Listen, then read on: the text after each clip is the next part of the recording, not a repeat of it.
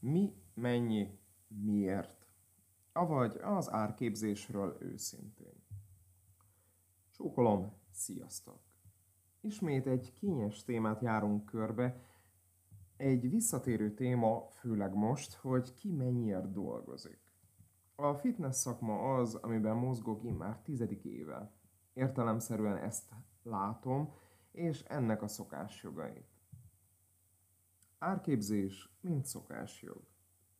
Ahogy én látom, kialakult egy olyan álláspont a fizikális térben és a digitális térben, hogy meg kell nézni a többieket, és ahhoz kell igazítani az árakat. Vagyis ha mindenki x-ért adja a portékáját, akkor a minőség vagy a hozzáadott érték figyelmen kívül hagyásával maximum x-ért lehet adni azt, vagy még kevesebbért. Így az árérzékeny ügyfél felénk fog mozdulni, de csak ő. Egy korábbi bejegyzésemben már írtam arról, hogy nem hiszek abban, amit mindenki csinál, mert akkor ugyanazt vagy még szerényebb eredményt várhatok csak el, illetve ha mindenki ugyanúgy gondolkodik, akkor miért is várunk más eredményt? A szokásjogon túl. Árképzésben már 2014-ben stúdió függetlenné válva azt gondoltam, hogy ebből a véget nem érő megfigyelésből ki kell szállni, és a valós költségeket kell figyelembe venni, valamint az árérték arányt.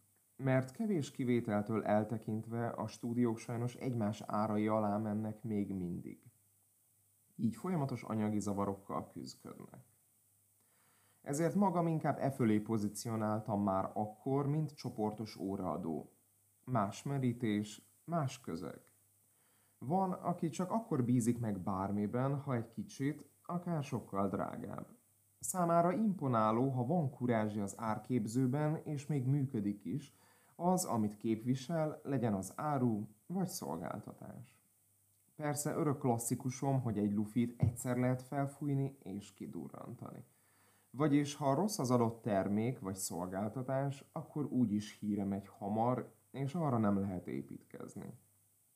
De ha valami drágább, ám de jobb, és vagy másabb is, annak legalább ilyen gyorsan híre megy. Persze, utána egyre másra jelennek meg újabb és újabb árnyalatai a megelőlegezett bizalomnak, de erről majd egy önálló bejegyzésben fogok szólni, amikor a vendég archetipusokat vesszük át. Amikor már csak maximum négyfős órákat tartottam, összemérhetetlenné vált mindaz, amit képviseltem egy zajos, nagycsoportos órához képest.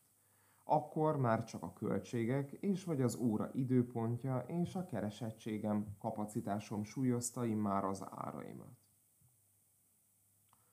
Online árak árnyékában.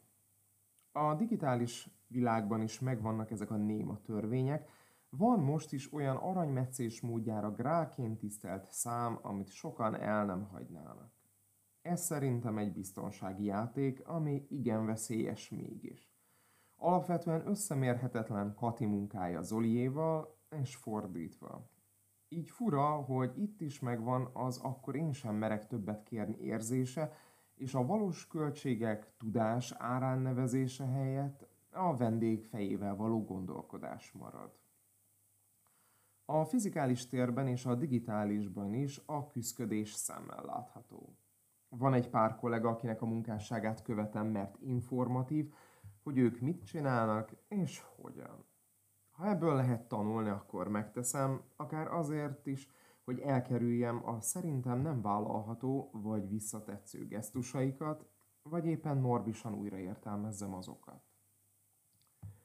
Amennyit gondolsz. Van, aki itt is fix árakon dolgozik, de megjelent nem csak a fitness vonalán az amennyit gondolsz elv. Vagyis akár egy csekély anyagi ösztönző hatására is hozzáférsz a kérdéses termékhez vagy szolgáltatáshoz. Ami kedves gesztus, és bár így működne a való világ. Lemész és mondod Marikának, az eladónak a sarki kisboltba, kérek egy kenyeret, most ennyit tudok rászánni, de ugye jók vagyunk így is. De a villamossági művek számlája kapcsán is meglepő lenne ez a fajta geg a sárga csekket a postán szorongatva. De viccet félretéve. Ezzel nem tudok azonosulni, még ha oldalak tömege is jött létre a modern kori koldulást erkölcsileg vállalhatónak maszkírozva. Beindult a cserekereskedelem. Amikor jött a nagy baj, a vendégem velem próbált alkudozni, hogy ő adja a szolgáltatását, és én is adjam cserébe a videótáram. Nem is értettem mi ez. Mire azt kaptam meg, beindult a cserekereskedelem. Kérdeztem vissza azonnal, hol? A nagy bizonytalanság elején állítólag Debrecen nem egy vállalkozója nyitott e felé. Nem is akartam elhinni. Amennyit kérsz, annyit érsz. Mindennek és mindenkinek van értéke és ára. Ha ebben következetes vagyok, akkor értékálló vagyok, és még inkább értéknövelő tudok lenni. A tudás, a tapasztalat, az ötletesség, a szorgalom, az ellenmondás nem tűrés, nem alkú vagy megegyezés tárgya.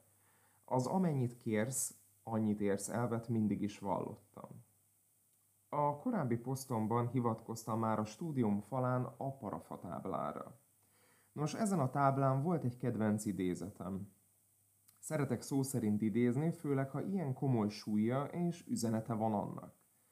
Bármikor, amikor nekem lett szegezve, hogy jó drága vagy, és ennek mindenféle változata, odaléptem a táblához, és felolvastam Josephine Esther Menzer, vagy ismertebb nevén Estée Lauder klasszikusát. Mert a kreativitást fizetjük meg, a szakértelmet. Azt, hogy valami megfelel az elvárásainknak. Innen folytatjuk.